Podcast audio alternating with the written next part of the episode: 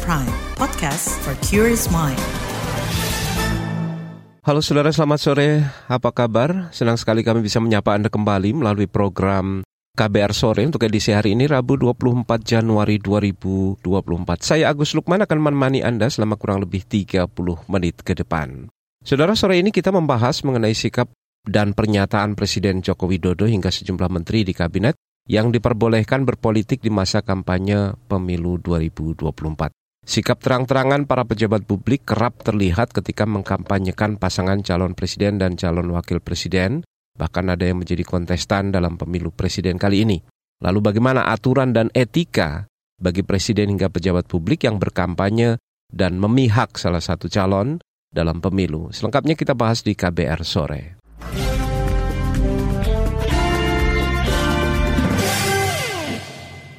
Saudara Presiden Joko Widodo baru-baru ini menyatakan seorang presiden bisa atau boleh memihak dan berkampanye untuk calon tertentu pada saat pemilu. Begitu juga dengan para menteri. Menurut Jokowi, berkampanye dan memihak sah-sah saja asalkan mengajukan cuti dan tidak ada penyalahgunaan fasilitas negara. Merujuk pada aturan di Peraturan Pemerintah Nomor 53 Tahun 2023, para pejabat negara memang hanya perlu mendapat persetujuan nah, dan izin cuti dari presiden selama masa kampanye. Padahal di pemilu presiden sebelumnya yaitu di 2019, pejabat negara setingkat menteri harus mundur dari jabatan jika maju berkontestasi ikut dalam pemilu. Ya, ini kan hak demokrasi, hak politik setiap orang, setiap menteri sama saja. Yang paling penting presiden itu boleh loh kampanye. Presiden itu boleh loh memihak. Tapi yang paling penting waktu kampanye tidak boleh menggunakan fasilitas negara. Boleh, Pak. Kita ini kan pejabat publik sekaligus pejabat politik. Segini nggak boleh berpolitik, nggak boleh. Menteri juga boleh. Yang mengatur itu hanya tidak boleh menggunakan fasilitas negara. Itu aja. Ada banyak rekomendasi agar menteri-menteri yang berkampanye. Semua itu pegangannya aturan aturan. Kalau aturannya boleh ya silahkan. Kalau aturannya nggak boleh tidak. Udah jelas itu. Jangan di ini loh. Wah, apa presiden tidak boleh ini. Boleh berkampanye itu boleh. Memihak juga boleh. Dilakukan atau tidak dilakukan itu terserah individu masing-masing. Kampanye. Ya boleh saja saya kampanye. Tapi harus harus cuti tidak memakai fasilitas negara. Presiden Joko Widodo memang tidak pernah secara gamblang dan terang-terangan mendukung salah satu pasangan calon presiden di pemilu 2024 yang juga diikuti oleh anak sulungnya yaitu Gibran Raka Buming Raka sebagai pasangan calon wakil presiden mendampingi Prabowo Subianto. Namun dalam banyak kesempatan Jokowi kerap bertemu calon presiden nomor urut 2 Prabowo Subianto dan ketua umum partai pengusung Prabowo di Koalisi Indonesia, Indonesia Maju. Komitmen netralitas Presiden Joko Widodo sebagai Presiden Kepala Negara dalam pemilu kerap dilontarkan dalam setiap kesempatan.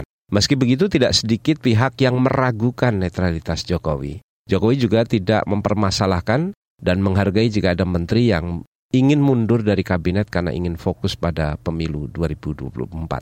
Sebelumnya, Saudara Menteri Politik Menteri Koordinator Politik Hukum dan Keamanan Mahfud MD mengatakan akan mundur dari kabinet untuk menghindari konflik kepentingan karena ia kini maju menjadi calon wakil presiden mendampingi Ganjar Pranowo. Mahfud memastikan rencana mundur merupakan pertanggungjawaban dirinya secara etika kepada publik. Merencanakan mengundurkan diri itu sebenarnya sudah lama ketika akan mulai debat pertama agar bisa lebih leluasa membuka data sebenarnya sehingga lebih etis saya membaca data-data itu kalau saya tidak di pemerintahan.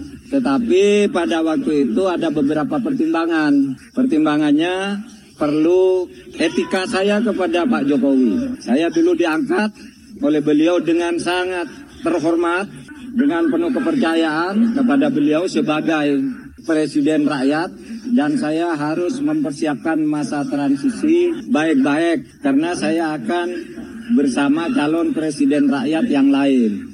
Namanya Pak Ganjar Pranowo.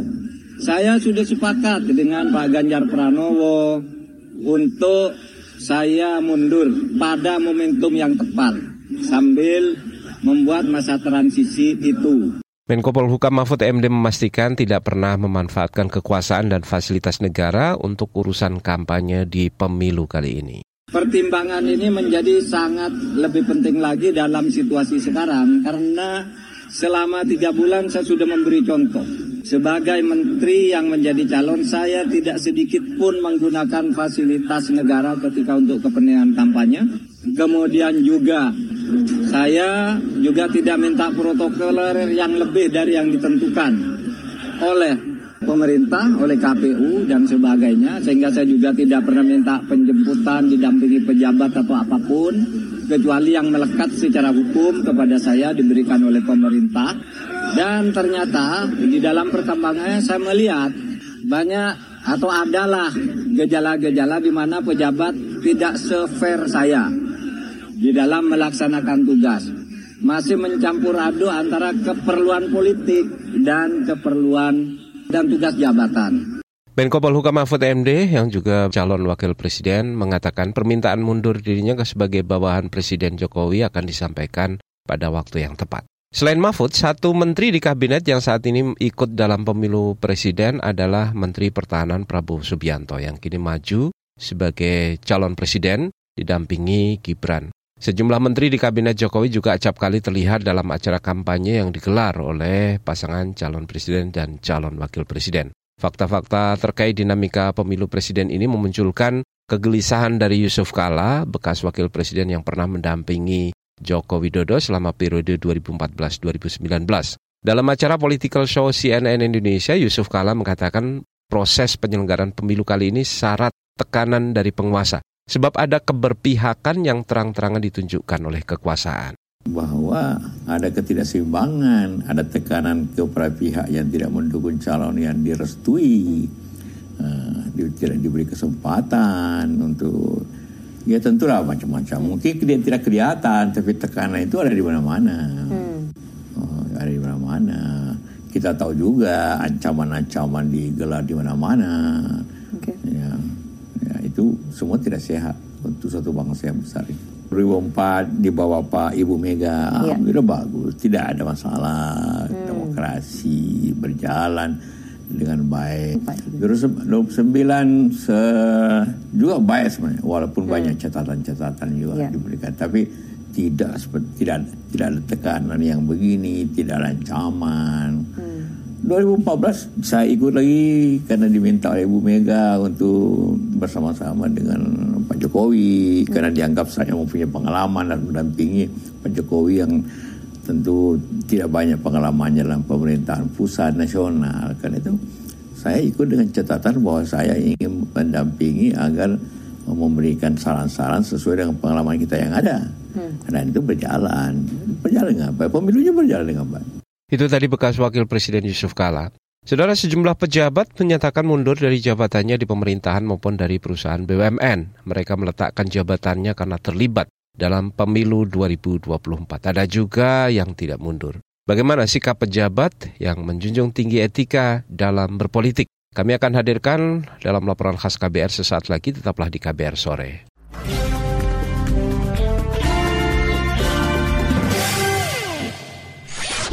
Commercial break. Commercial break. Anda sedang mendengarkan program Saga Produksi KBR. Dia mau nyium saya juga nyari. Kita harus ramai-ramai-ramai-ramai semua pakai kain. Sekolah lansia merupakan upaya untuk memperpanjang usia sehat. Kisah-kisahnya menarik kan? Dengarkan kisah-kisah selengkapnya hanya di Saga cerita tentang nama, peristiwa, dan fakta. Selain kisah-kisah inspiratif, Saga juga menghadirkan liputan mendalam yang dikemas menarik dengan kualitas jurnalistik terbaik. Dengarkan Saga hanya di kbrprime.id. KBR Prime, podcast for curious mind. You're listening to KBR Prime, podcast for curious mind. Enjoy!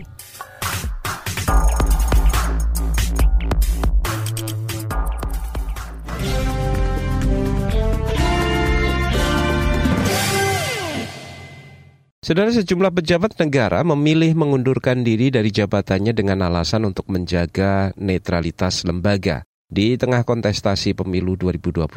Namun ada juga yang tidak mundur dengan dalih tidak ada aturan yang mewajibkan. Siapa saja mereka? Selengkapnya simak laporan khas KBR disusun jurnalis Ardi Ridwansyah. Beberapa pejabat mengundurkan diri dari jabatannya lantaran terlibat pemilu 2024. Alasannya, antara karena bergabung ke dalam salah satu tim sukses pasangan calon presiden wakil presiden. Salah satunya Andi Wijayanto yang mundur dari jabatan Gubernur Lembaga Ketahanan Nasional Lemhanas 16 Oktober 2023. Itu dilakukan saat ia diminta membantu di tim pemenangan nasional TPN Ganjar Mahfud dengan melihat kepada pertimbangan etika, maka saya sedang menyiapkan proses transisi cepat agar nanti pada saat tim pemenangan nasional diumumkan ke KPU, saya mengundurkan diri sebagai gubernur Lemhanas. Pertimbangan mengundurkan diri ini semata-mata dibuat sekali lagi untuk memastikan netralitas Lemhanas. Kata Andi, Muruah Lemhanas sebagai lembaga pemerintah non-kementerian yang berada di bawah dan bertanggung jawab kepada Presiden perlu dijaga netralitasnya. Ia ingin Lemhanas dapat melakukan tugas dengan baik. Andi Wijayanto bergabung dalam TPN dengan posisi Deputi 5.0 yang diumumkan Ketua TPN Arsyad Rashid di Jakarta Pusat pada 11 Oktober 2023. Manas merupakan lembaga pendidikan tertinggi untuk kepemimpinan nasional yang diawaki oleh TNI, Polri, dan ASN yang harus netral, tidak boleh berpolitik praktis. Karena itu, hari ini saya menegaskan kembali pentingnya kita di Lemhanas untuk menjaga netralitas Pejabat lain yang mengundurkan diri ialah Juri Ardiantoro yang sebelumnya menjabat Deputi Bidang Informasi dan Komunikasi Publik Kantor Staf Kepresidenan KSP. Juri mengundurkan diri lantaran masuk ke struktur tim pemenangan nasional TPN Prabowo Gibran. Selain itu, ada juga delapan tenaga ahli KSP yang mundur karena maju sebagai calon legislatif. Selain mereka, gitaris grup musik Slang, Abdi Negara atau dikenal Abdi Slang, juga mundur sebagai komisaris perusahaan BUMN PT Telkom Indonesia. Ia mundur setelah Slang resmi mendukung pasangan calon presiden wakil presiden nomor urut 3, Ganjar Mahfud. Sikapnya itu bagian dari perjuangan Slang yang sejak 2014 konsisten dan berkomitmen mendukung reformasi di Indonesia. Jadi biar tidak ada dusta di antara kita dan untuk menghormati aturan yang ada, nilai-nilai etika.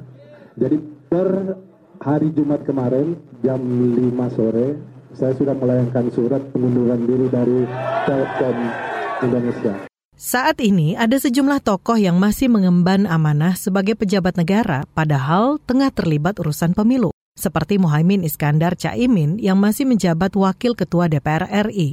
Lalu ada Mahfud MD masih sebagai Menteri Koordinator Bidang Politik Hukum dan Keamanan Menko Polhukam, Prabowo Subianto sebagai Menteri Pertahanan, dan Gibran Raka Buming Raka sebagai Wali Kota Solo. Hingga kini, ketiganya belum mundur.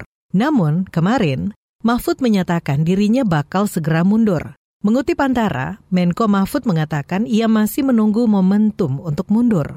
Saya pada saatnya yang tepat nanti pasti akan mengajukan pengunduran diri secara baik-baik. Secara regulasi memang terdapat aturan yang membolehkan orang dengan jabatan tertentu tidak mengundurkan diri, seperti menteri, pimpinan, dan anggota DPR, serta wali kota.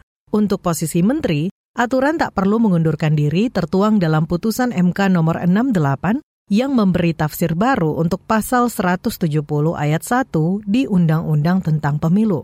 Namun, menurut Wakil Ketua Bidang Advokasi dan Jaringan Yayasan Lembaga Bantuan Hukum Indonesia YLBHI, Arif Maulana, seharusnya mereka yang terlibat pencapresan mundur.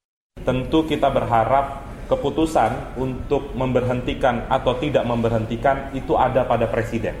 Maka dari itu kami mendorong sebenarnya sejak awal agar Presiden memetakan menteri-menteri mana yang akan maju dalam kontestasi politik capres, cawapres, atau calon anggota legislatif mestinya mengundurkan diri agar tidak terjadi potensi abuse of power dan potensi konflik kepentingan.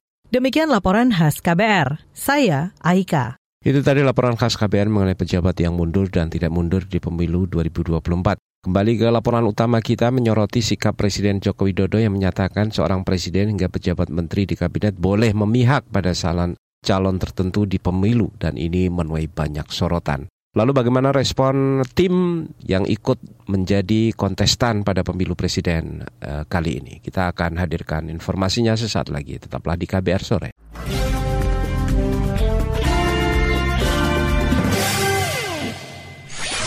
Commercial break. Commercial break. Buat kamu yang always hektik, apalagi di kantor yang toxic, working gak ending-ending, ditambah si bos yang grumpy, bikin salty. Apaan tuh artinya, Neng? Artinya si bos cerewet dan bikin bosen. Oh. Join yuk di KBR Pagi, siaran pagi radio paling update, menghadirkan berbagai informasi yang paling update dan terkini, ditambah playlist yang lit and chill. Apaan lagi ini artinya, Neng? Ih, rese. Artinya keren dan menyenangkan. Oh iya iya. Simak KBR Pagi setiap Senin sampai Jumat, mulai pukul 7 pagi, di radio jaringan KBR dan podcast kbrprime.id. You're listening to KBR Prime, podcast for curious mind. Enjoy!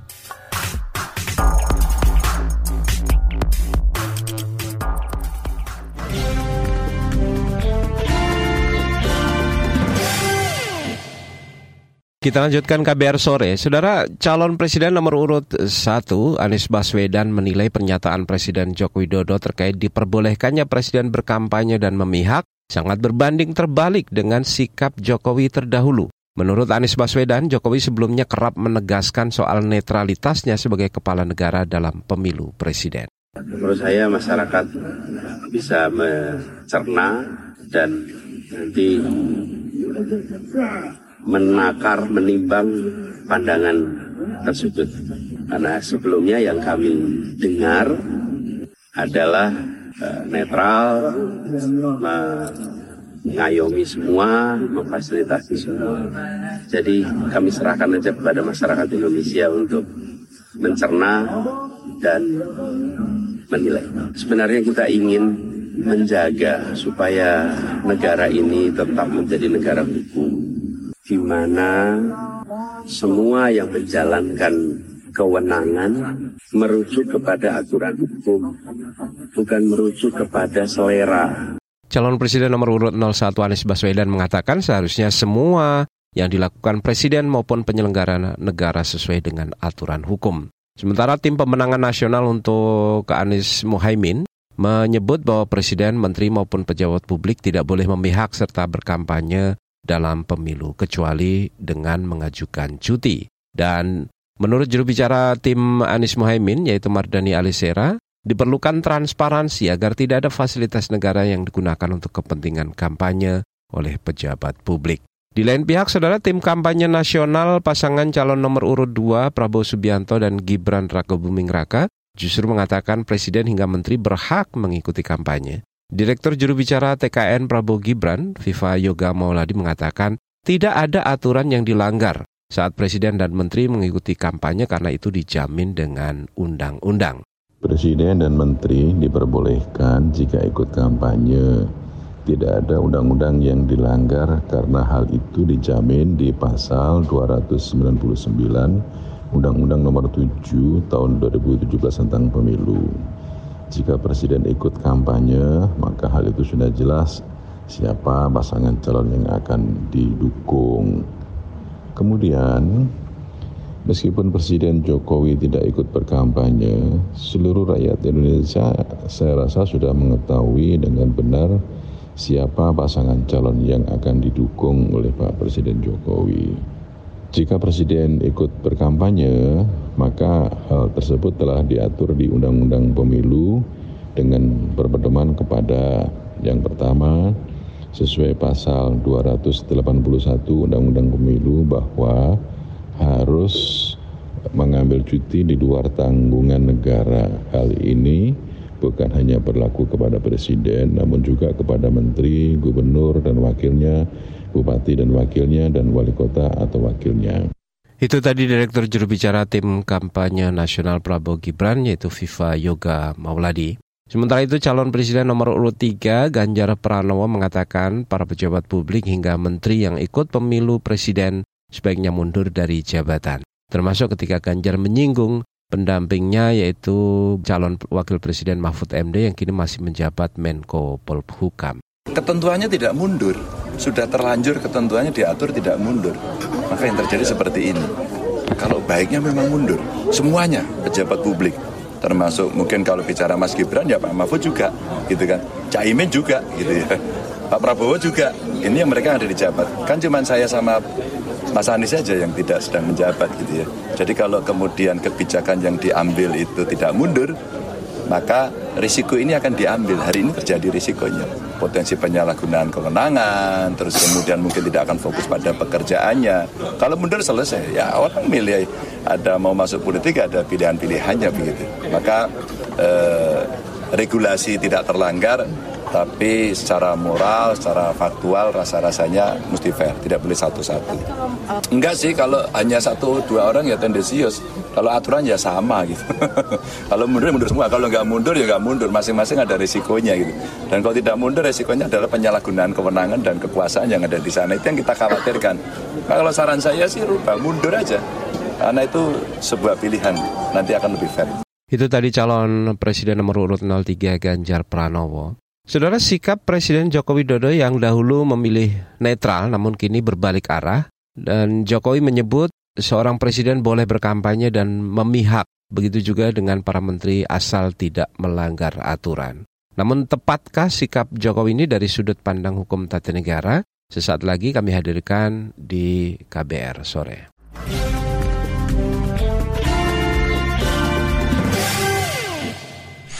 Commercial break.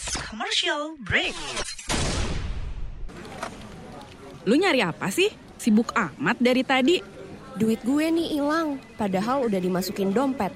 Ada tuyul kali ya? Hus, jangan asal lo ya. Eh, bukannya tadi lo jajan kopi, ikut PO seblak, sama nitip gorengan ya? Hah?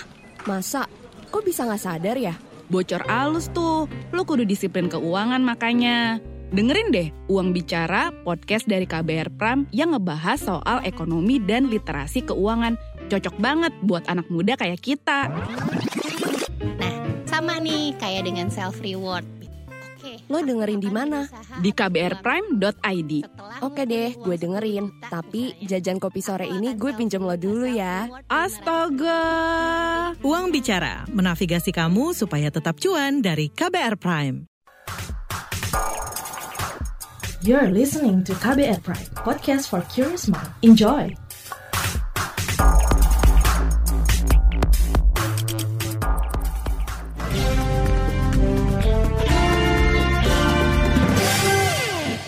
Kita di bagian akhir KBR sore. Saudara pernyataan Presiden Joko Widodo yang menyebut presiden boleh berkampanye dan memihak pada pemilu dinilai merupakan bentuk pelanggaran etik maupun peraturan perundang-undangan. Pakar Hukum Tata Negara Bivitri Susanti mengatakan ada aturan yang harus dipahami dalam Undang-Undang Pemilu bahwa seorang presiden tidak boleh menguntungkan kandidat calon tertentu dalam pemilu. Selengkapnya simak perbincangan jurnalis Rangga Sugeri bersama pakar hukum tata negara sekaligus pengajar di Sekolah Tinggi Hukum Jentera, Bivitri Susanti. Terkait Presiden Jokowi hari ini bilang kalau dia boleh kampanye dan memihak termasuk para menterinya, asal tidak gunakan fasilitas negara. Tanggapan Ibu dari pernyataan seorang presiden tersebut bagaimana ya Bu? Ya itu pernyataan yang salah. Karena e, memang begini, kalau mungkin dia hanya mengacu pada pasal 282 Undang-Undang Pemilu. Tapi begini, saya mau menanggapinya dari dari dua hal. Pertama dari segi prinsip dulu. Prinsipnya tidak boleh seorang presiden itu berkampanye. Dia memihak tidak bisa dihindari, tapi dalam hati aja karena uh, adalah sebuah etika politik untuk tidak menyatakan dukungan pada salah satu paslon. Ini kan repotnya karena nepotisme ya, itu yang lagi nyalon anaknya sendiri, itu nggak bisa di itu natural, makanya kita nggak boleh ada nepotisme seperti ini. Nah itu dari segi prinsip, jadi prinsipnya seperti itu. Kemudian yang kedua, uh, respon saya dari aspek peraturan perundang-undangan. Jadi saya kira Pak Jokowi itu mengutipnya cuma satu pasal memang Undang-Undang 7 2017 tentang pemilu itu banyak pasal yang kontradiktif. Karena pas kalau Pak Jokowi mengacu pada soal tidak menggunakan fasilitas, ada pasal-pasal lainnya yang secara prinsip bilang uh, presiden dan pejabat negara lainnya itu tidak boleh menguntungkan paslon apa kandidat politik tertentu dalam sebuah kampanye. Ada itu pasalnya. Lalu terkait banyaknya menteri yang melakukan kampanye dan politik dalam masa pemilu dan tidak keluar dari jabatannya, apakah ada potensi penyalahgunaan wewenang? Ya, sangat ada. Tapi masalahnya gini, lagi-lagi kita terkunci oleh undang-undang. Tapi kan makanya kita harus kritik nih, undang-undang tuh nggak boleh dilihat sebagai kebenaran yang mutlak.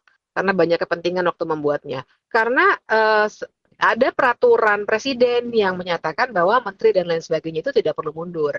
Dan ini adalah sebenarnya hasil dari atau follow up dari putusan Mahkamah Konstitusi tahun 2022 yang menyatakan menteri dan lain sebagainya itu tidak perlu mundur uh, karena itu pasti akan menimbulkan benturan kepentingan. Jadi kalaupun seseorang itu cuti ya maksudnya kan yang sekarang dibuat dalam peraturan presiden yang follow up dari putusan MK itu adalah tidak perlu mundur cuma harus cuti gitu. Tapi kalaupun seseorang itu cuti, pasti akan ada benturan kepentingan. Benturan kepentingannya di mana? E, dari dua hal. Dia bersumber dari kewenangan pasti ya, namanya menteri dan jabatan lainnya itu kan persoalannya di dalam hukum tata negara persoalan kewenangan. Nah dia dia benturan kepentingannya dalam dua hal. Pertama fasilitas ya baik bentuknya kebijakan maupun hal yang kecil-kecil seperti tadi uh, mobil uh, kantor lah, fas, apa uh, fasilitas kantor lainnya, ajudan lah dan lain sebagainya itu udah jelas tidak bisa dihindari. Tapi tidak hanya fasilitas, yang kedua juga pengaruh. Karena siapa bilang menteri nggak bisa pengaruh pada jajaran di kementeriannya. Secara etika seperti apa menteri yang berpolitik, Bu? Karena secara aturan bolehnya cuti saja. Terkait solusinya itu bagaimana ya, Bu? Uh, solusinya jelas kalau menurut saya sih kalau menterinya etis dia mundur aja karena yang tadi saya sebut peraturan itu kan peraturan yang sifatnya tidak tidak mengharuskan untuk cuti ya tapi kalau dia secara etis mundur ya ya bagus sekali secara etis gitu dan uh, itu yang bisa dilakukan dan seharusnya dilakukan karena kalau kita main-main di soal tidak menggunakan fasilitas tidak menggunakan pengaruh itu di lapangan tidak akan bisa diawasi dan kalaupun mau diawasi, siapa yang akan memberikan sanksi? Itu tadi perbincangan jurnalis Rangga Sugeri bersama pakar hukum tata negara sekaligus pengajar di Sekolah Tinggi Hukum Jentera, Bivitri Susanti. Informasi tadi menutup jumpa kita di KBR Sore di hari ini Rabu 24 Januari 2024. Saya Agus Lukman bersama tim yang bertugas undur diri. Sampai jumpa.